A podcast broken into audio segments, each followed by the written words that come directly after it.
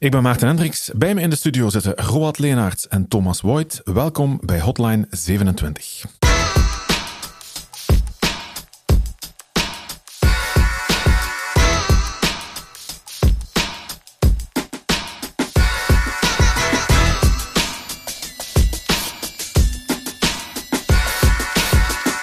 We gaan het vandaag hebben over de oorlog in Oekraïne. 24 februari is de invasie van Rusland in Oekraïne gestart. We gaan het voor alle zekerheid maar niet over politiek hebben. Daar zijn we volgens mij niet voor bevoegd. Maar voor technologie denk ik wel. En ik wil van jullie graag weten wat de invloed van de oorlog in Oekraïne is op jullie sector. Dus de technologie sector in het algemeen en dan misschien ook de hosting sector meer specifiek. Misschien eerst even, is er voor jullie, niet persoonlijk, maar... Uh, voor level 27 iets veranderd sinds de start van de oorlog op 24 februari? Merken jullie er iets van? Vooral klanten wel, hè. beginnen toch wel echt wel ja, toch zich vragen te stellen, een beetje bang te krijgen. Of uh, is mijn website wel goed beveiligd? Uh, hoe gaan jullie daar zelf intern mee om? Um, dus we moeten toch wel de klanten soms eens even geruststellen en zeggen van kijk, we zijn daar wel effectief mee bezig en dit zijn ongeveer de tools die we daarvoor gebruiken. Um, maar dan zijn ze vooral bang voor cyberaanvallen, veronderstel ik dan. Ze zijn vooral bang voor cyberaanvallen. Hè? Ja. Mm -hmm. Terwijl dat misschien niet echt gegrond is. Hè? Want um, op zich denk ik niet dat we echt heel veel meer cyberaanvallen zien sinds de oorlog. Um, ik heb persoonlijk wel, denk ik, meer aanvallen gezien door de jaren heen. Dus het begint wel meer prominent te worden. Mm -hmm. Maar ik denk niet dat dat echt gelinkt is met de oorlog in, in Oekraïne. Je ziet in, in de hostingsector eigenlijk, er is altijd wel een constante dreiging van een aanval. En dat gaat tweeledig, ofwel zijn het hack aanvallen, ofwel zijn het echt gewoon aanvallen om de dienstverlening te verstoren. Um, sinds de oorlog zien we eigenlijk geen reusachtige verhoging, maar we zien wel een bepaalde onrust die speelt. En met onrust bedoelt je, je merkt ook echt aanvallen? Of is het gewoon dat klanten denken van oei, hier gaat iets misgaan, zijn ze daarop voorbereid? Uh, vooral klanten. Mm -hmm. het, is, het is even een, een heel grote wake-up call, want je hoort het natuurlijk op de radio, je ziet het in het nieuws. Uh, er worden aanvallen gepleegd op banken, uh, er worden aanvallen gepleegd op gezondheidsinstellingen. en de klant schiet daar wel een beetje van wakker van oei oei, gaat mij dat impacteren of, of heeft mijn hostingpartij dat, dat volledig onder controle? En hoe probeert je de klanten dan gerust te stellen? Stel dat ik die klant ben, ik bel, ja, gaat mijn website nog wel blijven draaien? Gaat die aangevallen worden? Wat zeggen jullie dan? Ja, ongeveer hetzelfde wat we nu ook, mm -hmm. ook aan het proberen te vertellen zijn. Hè, dat we niet echt veel meer aanvallen zien dan daarvoor. En we proberen toch altijd wel te vertellen dat we er wel echt mee bezig zijn en welke tooling dat we daarvoor, welke maatregelen daar precies voor, uh, voor nemen. Hè. Ja.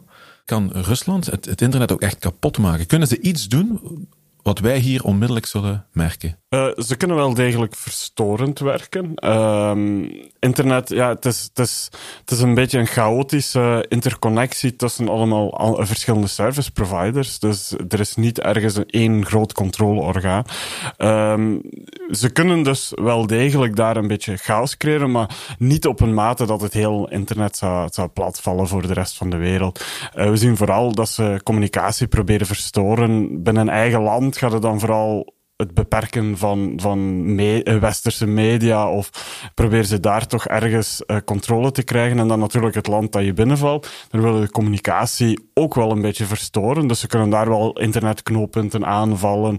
Uh, ze kunnen daar internetoperatoren platleggen. Maar het is vooral gericht tot de partijen binnen het conflict vandaag. Maar ze zouden eigenlijk ook gewoon het datacenter kunnen binnenvallen en alle harde schijven beginnen, beginnen uit fysiek te binnenvallen. Fysiek binnenvallen. Ja. Fysiek plunderen, ja, ja, ja, natuurlijk. Ja. En, en je wilt uiteindelijk probeert men uh, een beetje de werking te verstoren van zo'n land. En ja, of dat dan nu data van de overheid is of bedrijven, het is vooral schade aanrichten. En ja, je kan datacenters binnenvallen, je kan glasvezellijnen uh, openknippen. Uh, er zijn veel, ze proberen het gsm-netwerk nu waarschijnlijk plat te leggen. Um, en dan zie je tegenreacties. Hè. Dan, dan heb je een bepaalde ja, een miljardair die, die heel veel dingen in de lucht schiet en die dan zijn netwerk gaat openstellen om dat, om dat probleem een beetje tegen te gaan. Ik heb ze ooit gezien trouwens, hè, Starlink. Ze zijn ooit thuis doorgekomen. Alleen ja? niet thuis, hè. Nee, nee, nee, nee. Dat is nog wel een stukje van thuis. Ja, dat is nog een stukje van thuis. Ja. Maar ik heb effectief zo de verschillende satellieten zijn doorgekomen. Dat is redelijk imposant eigenlijk. Misschien heel even toelichten wat, wat Elon Musk precies gedaan heeft. Want dat is al een paar weken geleden. Uh, daar waren, waren, we toen allemaal heel sceptisch over, van gaat dat wel lukken? Is dat niet eerder een publiciteitsstunt? Maar het is wel degelijk gelukt, lijkt mij. Wat heeft hij precies gedaan? Ze hebben voornamelijk de, de, de Starlink, hebben ze denk ik in Oekraïne nog, uh, nog meer aanwezig gebracht. Ze hebben meer satellieten richting de Oekraïnse grondgebieden gebracht, mag ik het zo vertellen? Dus Starlink werkt niet als een klassiek satellietsysteem, klassieke satellietcommunicatie. Uh, en, en dan komen we op Viasat, daar kom ik misschien zo dadelijk even op terug. Mm Daar is ook iets interessants gebeurd. Uh, een klassiek satellietsysteem werkt met een geostationaire satelliet, dus die blijft op één bepaalde hoogte hangen, zeg maar. En die is altijd op dezelfde plaats beschikbaar. Starlink, ja, dat zijn eigenlijk heel veel losse nodes die non-stop rondcirkelen. Uh, dus, en de antenne die je bij je thuis hebt, die, die kan springen tussen die nodes. Dus je gaat altijd wel een node vinden in de lucht die beschikbaar is. Dus als je meer bandbreedte nodig hebt, dan gaan zij meerdere van die, van die nodes die rondzweven eigenlijk boven een land brengen. Uh, een ander groot verschil wat je ook hebt met Starlink, en, en dat is misschien ook wel deels een zwakheid, uh, de satellieten hangen niet zo hoog. Dus vanuit jouw thuis straal je naar boven en die node die daar hangt kan niet communiceren met die andere nodes. Dus die straalt eigenlijk jouw signaal een beetje als een wifi-repeater direct terug naar een base station. En dat base station, dat moet wel ergens in de buurt zitten. Uh, dus die, die base stations die, die staan meestal in de landen zelf, wat het natuurlijk ook wel niet het, het, het meest beschermde netwerk maakt. De satelliet uit de, uit de lucht schieten is al moeilijker. Uh, in dit geval zou je eigenlijk ligt de zwakheid in het feit dat, dat je die basisstations hebt. Uh, maar blijkbaar voor Oekraïne zijn de buurlanden dicht genoeg om, om dat eigenlijk op te vangen. Ze hebben zelf ook apparatuur gebracht? Ja. ik denk ja, de foto die ik me kan herinneren is dat ze vrachtwagen. een grote vrachtwagen hadden met alle Starlink met, met al die, die satellietschoteltjes. En, en het zijn heel intelligente satellietschoteltjes, want die, die antennes die moeten eigenlijk meegaan met al die bewegende nodes. En uh, het, het werkt blijkbaar zeer goed. En hoe traceerbaar is het dan? Want ik kan me toch voorstellen dat je daar in de grond ook van iets van gaat kunnen merken, zeker. Ja, ieder, ieder satelliet, ieder bidirectioneel satellietsysteem, ja, dan ga je natuurlijk ook signaal in de lucht inschieten. En ieder signaal, uh, ieder radiosignaal dat je eigenlijk verstuurt, is traceerbaar. Dus het is zeker voor militaire zaken waarschijnlijk niet het meest betrouwbaar. Maar dat was niet de bedoeling, denk ik. Hè? Maar ik denk, als we puur praten over zorgen dat mensen nog toegang hebben tot, tot informatie, is het, is het wel een goed systeem. Je zag ook de, de, de foto van, vanuit Oekraïne waar mensen rond zo'n basisstation stonden met de gsm om dan op het internet eh, te kunnen geraken in het midden van een oorlogsgebied. Dankzij Elon Musk. Je kunt veel kritiek hebben op de man, maar af en toe moeten we ook kunnen zeggen dat heeft hij dan wel weer goed gedaan. Hè? Ja, en, en het is dat wat zeker nodig is. Zorgen mhm. dat communicatie blijft, blijft stromen en dat mensen kunnen bellen met elkaar. Dat ze met anderen op het thuis eh, ergens anders ook. Er moet ergens een vorm van communicatie mogelijk zijn en dat heeft hij heel goed gedaan. Ja. Misschien even terug naar de, de aanvallen, want daar zijn we over begonnen. Dan hebben we het over de cyberaanvallen natuurlijk. Wat voor aanvallen zijn er precies allemaal? Wat zou er kunnen gebeuren vanuit Russische hackers? Want daar hebben we toch allemaal zo gigantisch veel schrik van gehad. Die Russische hackers, wat zouden die precies allemaal kunnen gaan doen? Wel, wat we vooral zien is dat het, dat het eerder destructieve aanvallen zijn. Hè. Dus um, ze gaan eigenlijk het Oekraïne proberen plat te leggen of vierkant te doen draaien door bepaalde services of rond gezondheid, staatsveiligheid. Daar eigenlijk heel echt op beginnen te targeten en proberen ja, die tooling of die service niet meer bereikbaar te maken. Mhm. En dan denken we echt wel aan een, een denial of service attack. Hè. En als je dat dan gedistribueerd doet, dan heb je een DDoS attack. Ja, dat is een hele bekende manier van aanvallen. Hier ook al gebeurt gewoon heel veel trafiek naar één locatie sturen om die locatie plat te krijgen. Zien om het heel fout te zetten. Zien we trouwens ook intern ook wel heel veel voorkomen. Hè. Um, niet altijd gedistribueerd. Ze zijn niet altijd zo slim. Hè. Soms ziet je ze alles van één IP-adres komen die heel hard begint aan te vallen op een bepaalde website. Dat zijn de gemakkelijke. Hè. Die kun je er dan heel snel van afhalen. Als ze dan sneller van IP-adres veranderen, als ze dan ook nog eens iets slimmer zijn met welke requesten dat ze doen. Hè. Ze, ze, weten bijvoorbeeld, ah, dat begint hier traag mhm. te reageren. Bijvoorbeeld naar een of andere search-parameter in de URL of zo. En ze beginnen daarop te hameren. Dan zijn ze al iets slimmer. Hebben jullie enig idee van waar die komen? Ja, DDoS-aanvallen, dat, dat is altijd... Meestal praten we over mensen die toch iets meer... Eh, die, die ofwel een externe tool gebruiken, of een... En ja, die, die houden zich graag een beetje verborgen. Dus meestal praten we over een, amplification aanval. Dus dan worden er andere hosts gebruikt eigenlijk om, om het aanvalsvolume te verhogen. Maar dat verstopt ook wel de bron. Uh, dus het blijft altijd een beetje gokken van wie, wat, hoe, waar en waarom. Uh, maar meestal is het, ja, wordt er zie je dat ze commerciële diensten, webshops uh, en, andere zaken proberen te verstoren. En dat er altijd wel ergens een, een drang naar geld is. Hè. Er wordt altijd wel gevraagd voor: uh, als, jullie, als jullie zoveel bitcoins storten, dan stopt de aanval. Dus er is altijd wel een commerciële drijfveer achter het verhaal. Zelfs bij de DDoS-aanvallen vandaag. Uh, als die er niet is, is het misschien een concurrent uit de, uit de zelfde business. Uh, maar het is heel moeilijk te traceren, laat staan te bewijzen van waar zo'n aanval komt. Want ik heb me laten vertellen, het is niet heel complex om zo'n aanval op te zetten. Je kan volgens mij op het dark web gaan en daar de nodige tools voor vinden. Kon niemand aanmoedigen, hè, maar ik stel me de vraag. De, zeker bij de minder complexe aanvallen is een creditcardnummer genoeg om al behoorlijk wat schade uh, te creëren. En dan praten we ook zelfs niet over duizenden euro's. Ik, ik, uh, ik, uh, ik ken platformen waar dat je blijkbaar voor 50, 100 euro al een behoorlijke aanval kan uitvoeren. Omdat uiteindelijk die, die platformen die die bouwen zelf niks. Die, die gaan inbreken in servers. En die gaan eigenlijk al die servers waar dat ze op ingebroken hebben misbruiken voor zo'n aanval. Dus hun kosten toch niks. En blijkbaar vertaalt zich dat ook door een zeer, uh, zeer economisch verantwoorde prijs voor de mensen die een aanval willen starten. Maar het is strafbaar voor alle duidelijkheid. Hè? Mm. Ja, en dan zijn we echt op een hacking as a service. Hè. Je hebt platform ja. as a service, netwerk. Maar dat is al echt hacking waar je een tool je kunt je dat voorstellen als een bol.com eigenlijk, waar je gewoon naartoe kunt gaan en zegt oké, okay, ik wil deze hack, uh, ik ga die nu kopen en uh, vuurt hem maar af bijvoorbeeld. Mm -hmm. Maar wat erachter liggend natuurlijk is, is je hebt eigenlijk een of andere vulnerability of een of andere zwakheid die dan eigenlijk zich begint te evolueren en die altijd maar sterker wordt en ze blijven die gebruiken en dan gaat iemand, een andere developer daar effectief een tool van maken en die gaat dat dan als een service verkopen. Dus je ziet historisch gezien, kun je eigenlijk heel mooi volgen hoe dat bepaalde zwakheden zich eigenlijk ontwikkelen tot echt een service waar ze van gebruik maken. Is het als hostingbedrijf gemakkelijk om je daar tegen te verdedigen? Nee, Liggen jullie wakker van DDoS-aanvallen bijvoorbeeld? Nee, we, we, DDoS-aanvallen is, is op zich eenvoudig. We hebben daar een systeem... Als hosting provider moet je daar dagdagelijks mee bezig zijn. Mm -hmm. Dus ik, ik kan me inbeelden als een bedrijf, als je nooit daarmee bezig bent geweest, dat het heel moeilijk is. Maar als je eigenlijk gaandeweg... Indien je daar gaandeweg jezelf hebt op voorzien en, en rustig stap per stap improvements mm -hmm. hebt kunnen, kunnen maken op jouw verdedigingslinie, zeg maar, dan zijn DDoS-aanvallen niet zo'n grote vrees. Um, je hebt externe scrubbing centers, dus wij kunnen een bepaald volume aan dataverkeer zelf verwerken. Uh, zeker de eenvoudige aanvallen, die, die kleintjes van losse IP-adressen gaan eigenlijk, da daar hoeven we zelf niet extern voor te gaan om die af te vechten. We hebben ook behoorlijke capaciteit. De schaalgrootte speelt ook wel een heel grote rol.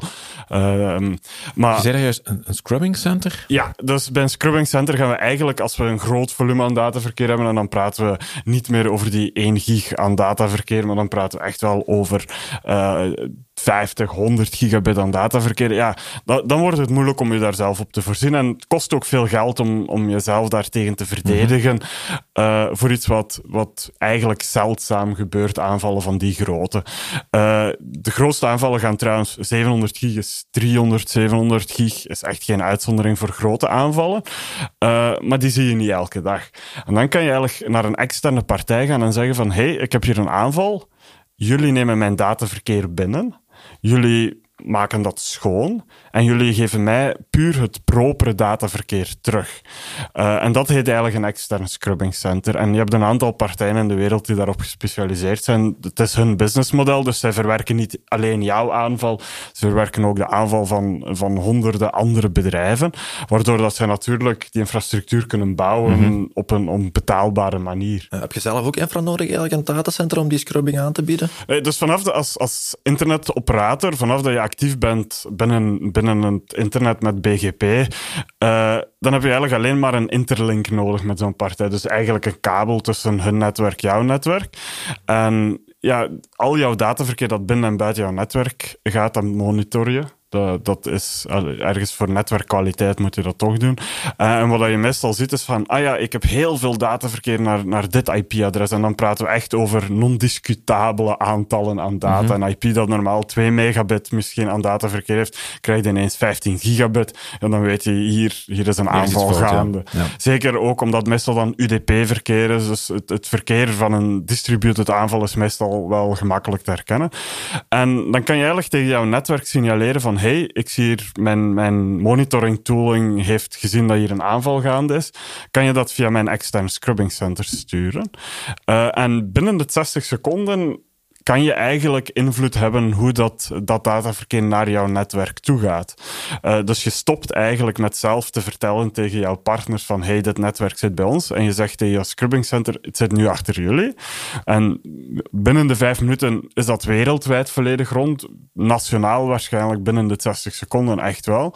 Uh, en vanaf dan begint dat scrubbing center direct zijn werk te doen. Dus puur van de detectie tot en met het punt dat je gaat filteren, gaat er meestal maar 5 à 15 minuten over. En natuurlijk, die, die impact op die moment is potentieel wel groot, omdat je mm vijf minuten dataverkeer moet verwerken dat groter is dan jouw netwerk. Uh, maar het is wel heel automatisch te in te regelen dat het probleem verwijderd wordt. Misschien eens even kijken naar wat andere soort aanvallen, uh, want zo'n DDoS-aanval, dat kennen we ondertussen. Ik zie hier ook staan, wiper attacks of lock and leak. Heb ik nog nooit van gehoord, dus ik wil graag weten wat dat is. Ja, dus dat is een eerder, je hebt het denial of service, hè. dan gaan we effectief een service proberen plat te leggen. Het andere wat er vaak, uh, wat we nu vaak zien is, is dat ze effectief data proberen te verwijderen.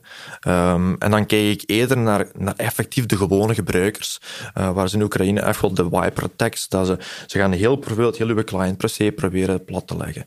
Um, andere vorm is eerder dat je een, een wipe en een leak, dus ze gaan eigenlijk al je data proberen binnen te halen.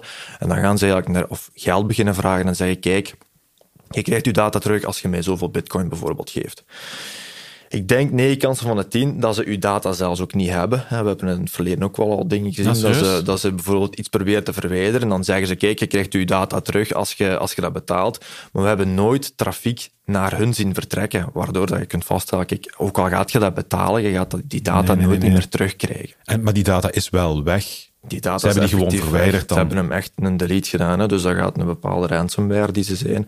Natuurlijk, als je bepaalde poorten of services publiek gaat bereikbaar maken en ze gaan daar effectief een delete gaan doen, dan maakt het natuurlijk heel gemakkelijk. Ja? Mhm. en, uh, de clientgebruikers die gaan eerder ja, via een andere, een andere weg binnengeraken en daar effectief iets hebben wat heel langzaamaan zaken begint te verwijderen. Mhm. Ja. Dus is het vergelijkbaar met wat gewone consumenten kennen als, als ransomware. Het is eigenlijk ransomware. Ja, het is eigenlijk ransomware. Ja. Ik denk ook wel, bij consumenten spelen de cryptolockers nog een grote rol. Daar wordt eigenlijk de computer versleuteld. Dus de data is daar. En ja, dan is er wel nog een key. De data is nooit verwijderd geweest, maar ze hebben de computer zelf misbruikt om de data te encrypteren, dat niet meer leesbaar is. Uh, ja, dat, dat is een aanval. Ja, de, de, de, normale mensen kennen die wel. Komt meestal binnen via vulnerabilities, eh, omdat de computer niet gepatcht is, of, of het heel zelden via zero days.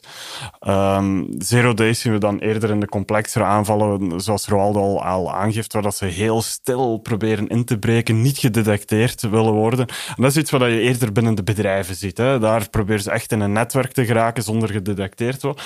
Dan nemen ze, nemen ze een beetje tijd om te kijken hoe ziet dat netwerk netwerk eruit? Wat hangt eraan? Wat is belangrijk? En dan gaan ze proberen het bedrijf zoveel mogelijk schade toe te brengen. En de vraag dan is van ja, willen ze het puur doen uit geldbewin of is er echt een destructief verhaal achter? Uh, de destructieve verhalen zien we bijvoorbeeld als we dan even terug een, uh, teruggaan op het satellietgebeuren.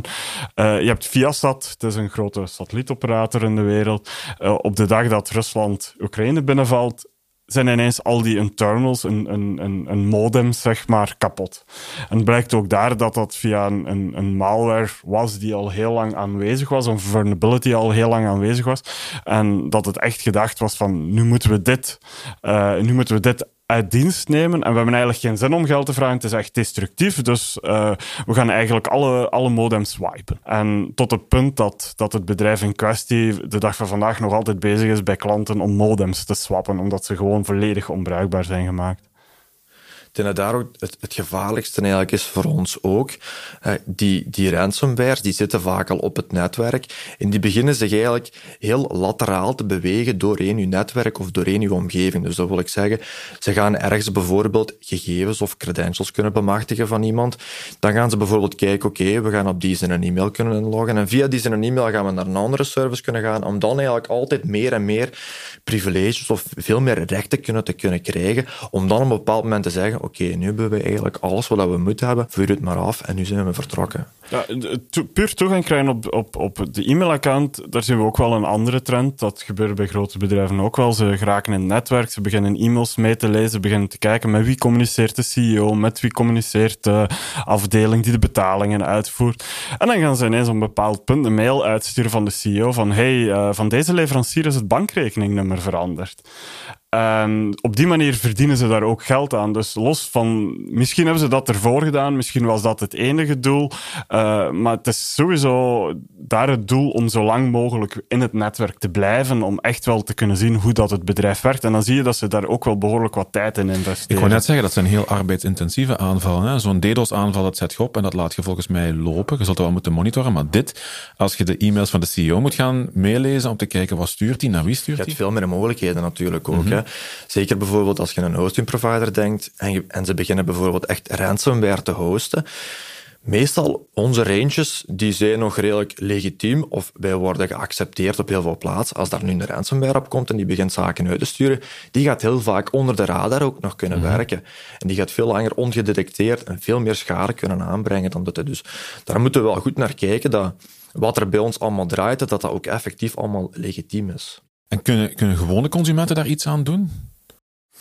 Ja, het hangt, het hangt af wat je bedoelt onder een gewone consument. Als de persoon in kwestie een website heeft, Drupal, WordPress, Joomla, ergens, een of ander gekend platform, is vooral belangrijk updates te blijven doen. Uh, vanaf dat je iets op internet niet update, ja, dan, dan, ben je, dan ben je heel gemakkelijk uh, aanvalbaar. Er komt altijd wel ergens een vulnerability. En het is niet per se in WordPress, maar misschien in een plugin van WordPress.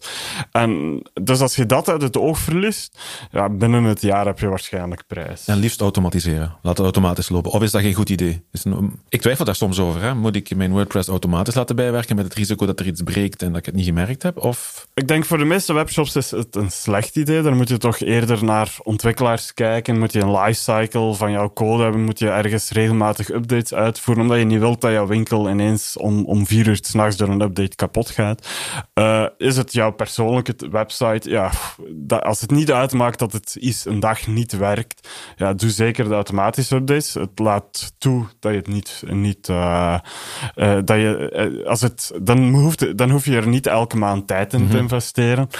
ooit ga je toch vergeten, ooit ben je op vakantie en dan op, op de nacht dat je op een vliegtuig zit, dan, is daar ineens een, een ransomware, dan, dan is het prijs en dan, ja, wie weet wat dat ze met jouw website hebben gedaan. Misschien hebben ze daar een formulier uh, opgezet dat lijkt op een of andere bank en heeft daar iemand een betaling per ongeluk gedaan. Ja, je bent ook wel mede verantwoordelijk. Dan denk ik van, is het beter om te zeggen van, laat het maar automatisch lopen.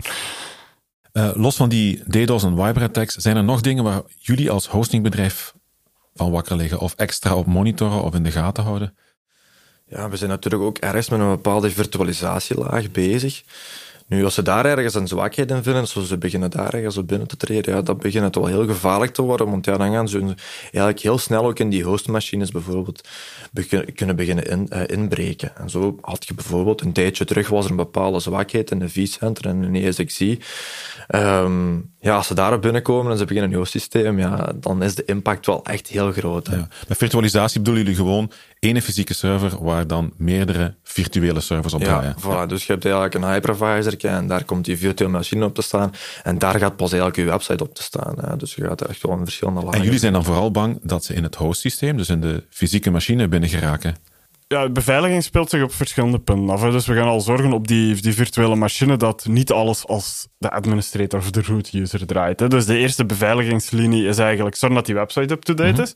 Dan als ze dan al door die website zijn, zorg dat ze op die server niet verder kunnen, geen privilege escalation kunnen gaan doen. Zorgen dat de kernel van, het, van die virtuele machine up-to-date is. Zorgen dat alle daemons die daarop draaien up-to-date zijn. zijn binnen, zelfs binnen Linux komen met enige regelmaat vulnerabilities boven. Uh, maar ze komen boven en ze worden snel gepatcht meestal. Dus dat, dat is de volgende linie. Ja, ja, als ze dan root zijn op die virtuele machine, ja, dan kunnen ze natuurlijk het hostsysteem, het onderliggende hostsysteem beginnen aanvallen. En vanaf je, dat is een beetje hetzelfde als dat je de deur van een datacenter inbreekt en uh, dat je daar met een scherm en een toetsenbord staat. Vanaf dat je fysiek ergens aan kunt. Dit kan alles kan je alles doen. Dan is geen enkel administrator wachtwoord nog, nog veilig. Uh, dan kan je echt wel heel veel schade berokkenen. En hetzelfde is bij virtuele systemen of containers. Uh, vanaf dat je aan het onderliggende hostsysteem zit en dan zie je daar 40, 50 andere virtuele machines draaien, dan heb je gewoon toegang tot die machines. Dus voor ons is het heel belangrijk te zorgen dat altijd alles up-to-date is. Het is, het is het, ook als er een vulnerability uitkomt, is het heel belangrijk om snel te patchen, want we zien die groeperingen je hebt die attacks, die, die, die infiltratieaanvallen waar dat ze veel tijd in steken. Maar vanaf dat er zo'n vulnerability online komt, het duurt meestal geen dag of die wordt regelmatig mhm. misbruikt. Dus je hebt mensen die heel snel hun tooling aanpassen en gewoon het internet beginnen afscannen en gewoon zoveel mogelijk, zo snel mogelijk proberen over te nemen. Want jullie moeten nog constant monitoren, hè? Ja, ja de reactiesnelheid is heel belangrijk. Hè? Zeker als, je, als de impact heel groot is. Zeg maar, ze, hebben, bijvoorbeeld credentials bemachtigd en je begint gekheden te, te zien in je netwerk of, of in de tooling ergens, dan is het belangrijk om heel snel te reageren en eigenlijk een team al samen te stellen die ermee aan de slag gaat en zeggen van oké, wat hebben ze nu precies allemaal gedaan? Waar zijn ze naartoe gegaan? Wat is de trail eigenlijk allemaal? Zodat je weet, kijk, dit hebben ze allemaal gezien. En het tweede is natuurlijk om ze zo snel mogelijk ook te stoppen, zodat ze niet verder kunnen gaan om dat, in dat laterale gedrag. Um, en die gelaagde, dus heel belangrijk, bijvoorbeeld wat we, wat we ook doen is, um, we zijn nu van onder naar boven aan het werken in die virtualisatielaag. Maar de website, daarvoor hebben we eigenlijk een, een, een, een Nginx staan of een proxy service, waar dat we eigenlijk een, een WAF op kunnen aanzetten. Dus een Web Application Firewall. En we zien wel dat dat heel veel doet, want we gaan er wat zaken aan blok blokkeren, zoals we hebben lijsten van slechte IP-adressen die zich bijvoorbeeld al eens fout gedragen hebben. Die gaan we bijvoorbeeld dan niet meer toelaten. Uh, bepaalde user angels waarvan denk je, je hoort hier eigenlijk al niet te zijn. Je hebt niks te zoeken, dan blokkeren we. Ja. Dat heeft meerdere effecten. Eerst en vooral gaat dat meer veiligheid brengen, maar je gaat ook eigenlijk gebruikers of, of requesten niet meer toelaten. En dat gaat in de lagen daaronder, in de proxy services daaronder, het PHP-code, die gaat daar ook meer ruimte krijgen om natuurlijk de echte gebruikers te gaan voorzien. Um, het tweede is dat we dan ook wel effectief gaan kijken wat voor requesten doen die nu. Is die hier SQL-injection bijvoorbeeld aan het proberen? Daar moet je ook al tegen zeggen, kijk, jij mocht hier bijvoorbeeld ook al niks meer doen. En die lijsten die worden publiek eigenlijk, zijn die meestal beschikbaar. Hè. De dark webs, de TARS bijvoorbeeld, de tar webs, die gaan we ook al tegenhouden dat die, dat die eigenlijk al niet meer op je website kunnen komen. En het is, het is, bij Tor is, is het een beetje dubbel uit. Het concept, het idee, de ideologie het wel juist. Uh, maar je ziet daar heel sterk misbruik van, omdat je natuurlijk anoniem bent. Het kan gebruikt worden om bepaalde regimes te ontwijken. Als jij als, je als journalist actief bent in, in bepaalde landen die het niet zo hebben met vrije meningsuiting, is het een heel mooie tool. Uh, maar natuurlijk, die mooie tool wordt ook gebruikt door heel veel mensen met slechte bedoelingen. Dus ja, soms moet je dan denken van, ja, hier gaan we toch eens twee keer naar kijken voordat we zoiets doorlaten. En om zeker te zijn van, ja, dit is legitiem verkeer of dit is kwaadaardig verkeer. We kunnen ook landen gaan blokkeren. Dus we krijgen nu ook al regelmatig de vraag van, uh, kijk, zou je misschien toch Rusland kunnen blokkeren? Want ik wil eigenlijk niet dat die nog op mijn website iets te zoeken hebben. Al gaan we dat nooit niet forceren natuurlijk naar alle websites. Um, ik denk niet dat de bedoeling is om, om, om eigenlijk al de verkeer, wat je nu natuurlijk wel bij Netflix bijvoorbeeld en andere partijen wel ziet, daar gaan ze heel actief blokkeren voor alle gebruikers. Maar we hebben dat zelf intern, die maatregel, nog niet genomen. Ja, bij Netflix speelt, er, er speelt ook wel een effect dat die partijen betaald moeten worden uit die landen en dat is zeer moeilijk gemaakt. Dus ja, als je geen geld kan verdienen in een bepaald land, dan is zo'n actie gemakkelijk. Bij ons werkt het een beetje anders. Uh, onze klanten betalen ons uh, om hun informatie op het internet te zetten. Heel, heel kortweg gezegd. En wij willen natuurlijk dat die informatie of dat wat onze klanten hosten zo breed mogelijk beschikbaar is. Maar als een klant aan jullie vraagt, stel ik heb een website en ik zeg van ik zou toch graag hebben dat eh, Rusland geblokkeerd wordt, dat kunnen jullie perfect doen. Dat, dat is perfect. één vinkje eigenlijk. Um, Dus die impact gaat dan ook klein zijn. Hè. Dat, dat maakt niet uit of dat nu Rusland is of een andere target die we zien. Door die tool te gaan gebruiken, kunnen we heel snel eigenlijk al aanpassingen gaan doen. En eigenlijk het, het, stoppen van de denial services, als die natuurlijk klein is en je de scrubber niet nodig hebt. Ja. Ik zie hier ook staan malware hosting. Dus dat is ook waar we het een stukje net ook over gehad hebben. Als, als, je, als, als, we, als ze malware hosting natuurlijk op onze netwerk of onze mhm. infrastructuur beginnen te doen, dan gaat het heel vaak ongemerkt blijven. Um, dus we moeten altijd kijken van ja, heel goed de monitoringen doorhouden, kijken of de servers zich niet raar beginnen te, beginnen te gedragen. Um, want het kan alles zijn dat er nu uh, een, een, iets minder gevaarlijk is, dat er een Monero miner bijvoorbeeld op staat, hè, mm, die eigenlijk gewoon ja, CPU-cycles begint weg te pikken en eigenlijk ja, de een of andere remote wallet. Um, ah, om bitcoins te minen. Bitcoins eigenlijk ja, begint te minen. Maar het gaat natuurlijk soms veel verder als ze effectief aanvallen beginnen te doen. En we krijgen daar soms wel mailtjes van, hè, van kijk hier, je hebt hier een bepaalde IP-adres en die begint zich raar te reageren. En dan gaan we eens kijken en dan is er meestal een of andere, soms wel eens een WordPress bijvoorbeeld die ergens gehackt is en die een wp-cron.php misbruikt en een poort bijvoorbeeld openzetten en eigenlijk op die manier eigenlijk heel vaak een zwakheid, lijkt mij. Hè? Het is een goed systeem, maar er kan veel meer misgaan, denk ik. Het is net als, als iedereen denkt dat, dat Windows of dat Microsoft een like operating systeem bouwt. Alle systemen. Los van het feit dat ik, dat ik een zeer, uh, zeer grote Linux-gebruiker ben, denk ik wel dat, dat zelfs Microsoft nou zijn, zijn zaken heel goed onder controle heeft. Maar het is iets wat je ziet, hè, de systemen die heel breed gebruikt worden, die heel veel gebruikers hebben, ja, die gaan automatisch onder, veel harder onder de loep leggen van zulke partijen. Omdat ze zoeken natuurlijk een gemakkelijke manier, of ze zoeken een manier om in heel veel systemen mhm. binnen te geraken. En ja, WordPress, ik denk, het is een van de meest gebruikte bloggingplatformen of, of web, kleine websiteplatformen de dag van vandaag. En dan zie je logischerwijs ook dat dat heel veel aanvallen te verwerken krijgt. En ja, als je daar developer bent, eh, het aantal mensen dat jouw code doorzoeken naar vulnerabilities, uh, daar, daar, zou je, daar krijg je echt stress van, denk ik. Hadden wij niet in seizoen 1 een heel boeiende aflevering over WordPress gemaakt? Ja, ik denk het wel. Misschien een keertje terugluisteren, dat is een goed idee. Ja. Ja, um, ik wil graag van jullie nog weten, um, zo, zulke aanvallen, is dat iets wat jullie doen? Intern bijvoorbeeld zeggen van we gaan nu zelf eens een aanval opzetten op ons eigen systemen om daarop voorbereid te zijn? Of is het gewoon van nee, we houden de dingen goed in de gaten en als het zover is, dan zijn we daar klaar voor? Een, een aantal van die, die, die vulnerabilities die snel, het is snel verspreiden. Er is eentje geweest bij Drupal bijvoorbeeld. Drupal had, had een uh, jaar, anderhalf jaar geleden een zeer grote vulnerability. Um, ja, wij gaan die zelf die proof of concept ook wel uitproberen, omdat wij natuurlijk ons software moeten aanpassen. Mhm. Wij weten dat klanten echt wel willen patchen. Wij, wij, wij duwen daar ook echt op door.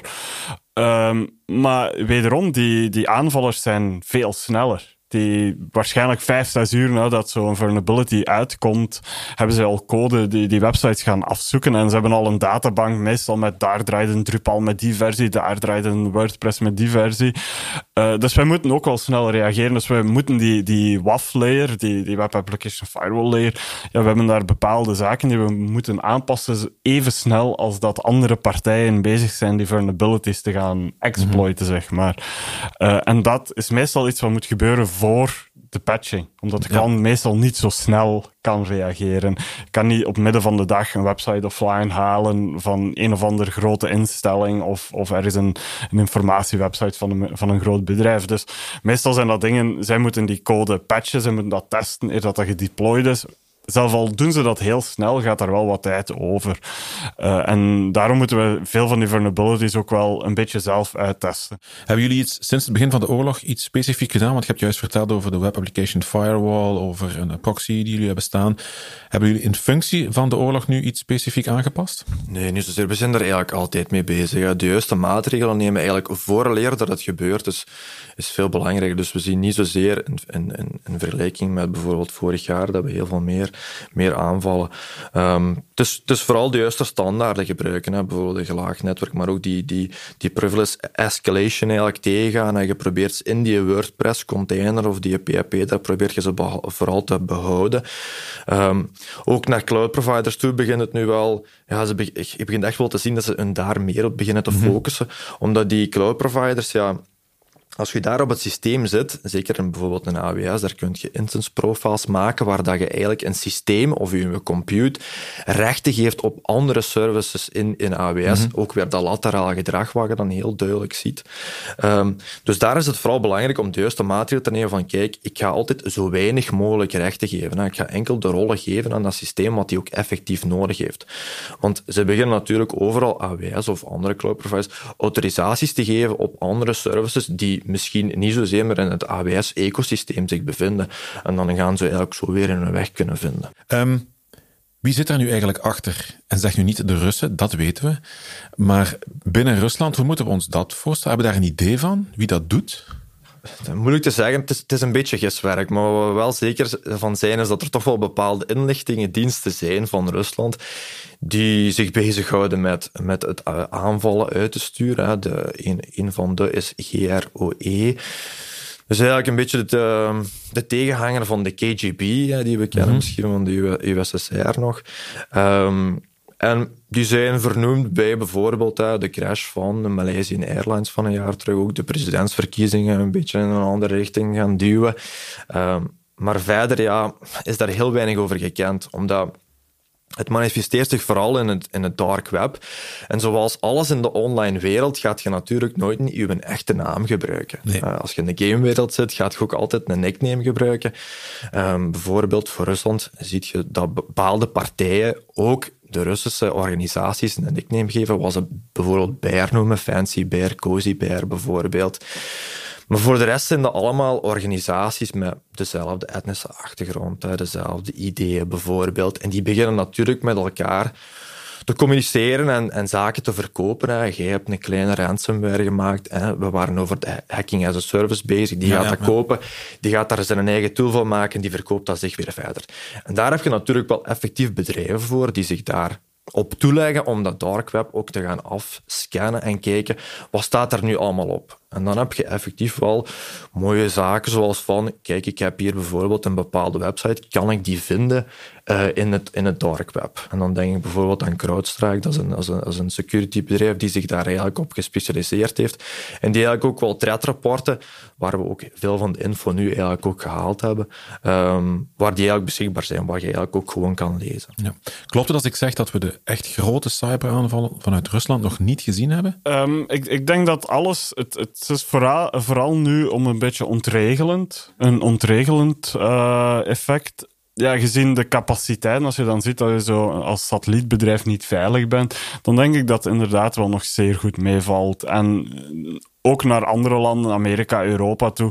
We hebben eigenlijk vanuit Rusland, of er is geen globale, globale dreiging in, in formaat dat wij twee uur lang geen Netflix meer kunnen kijken, omdat er ergens een aanval gaande is. Uh, omdat uiteindelijk het internet, het hangt allemaal aan één. Uh, als je met grote aanvallen begint, dan op die grote knooppunten begint dan ook wel saturatie te komen. Mhm. Dat zien we vandaag eigenlijk heel. Maar de mensen denken wel dat dat gebeurt natuurlijk. Dus daarom, vandaar mijn vraag ook. Ja, we hebben een aantal mensen gehad die wel al ons gebeld hebben of in paniek gezegd hebben van ik denk dat Facebook kapot is omdat de Russen erop bezig zijn. Of ik denk dat WhatsApp kapot is omdat ze erop bezig zijn denk niet dat dat het geval is op dit moment. Security is natuurlijk een heel big business. Hè. Je hebt veel bedrijven die commerciële belangen hebben bij onrust. En dan komt de marketingafdeling en die wilde ook eens iets doen.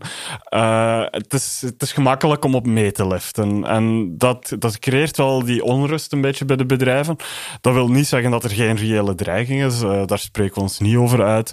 Uh, maar er is ook wel heel veel marketing de wereld ingeschoten afgelopen maanden. Die security bedrijven die moeten ook iets verkopen. Dus wat gaan die doen natuurlijk? Die gaan hun tooling verkopen. En hoe doen die dat? Die moeten hun schrik aanjagen. Ja. Die moeten naar de klanten toe gaan en zeggen...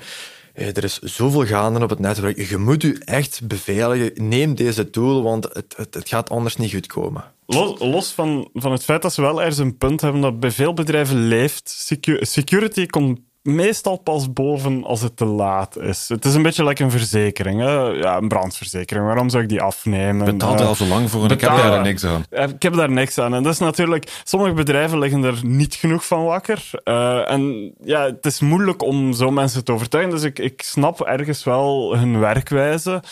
Uh, maar we moeten natuurlijk vooral feiten en realiteit... We moeten het onder ogen zien wat dat de realiteit is. Robert en Thomas, bedankt voor dit gesprek. Reacties op deze aflevering of vragen die komen bij ons terecht via podcast.level27.be. Tot binnenkort voor een nieuwe Hotline 27.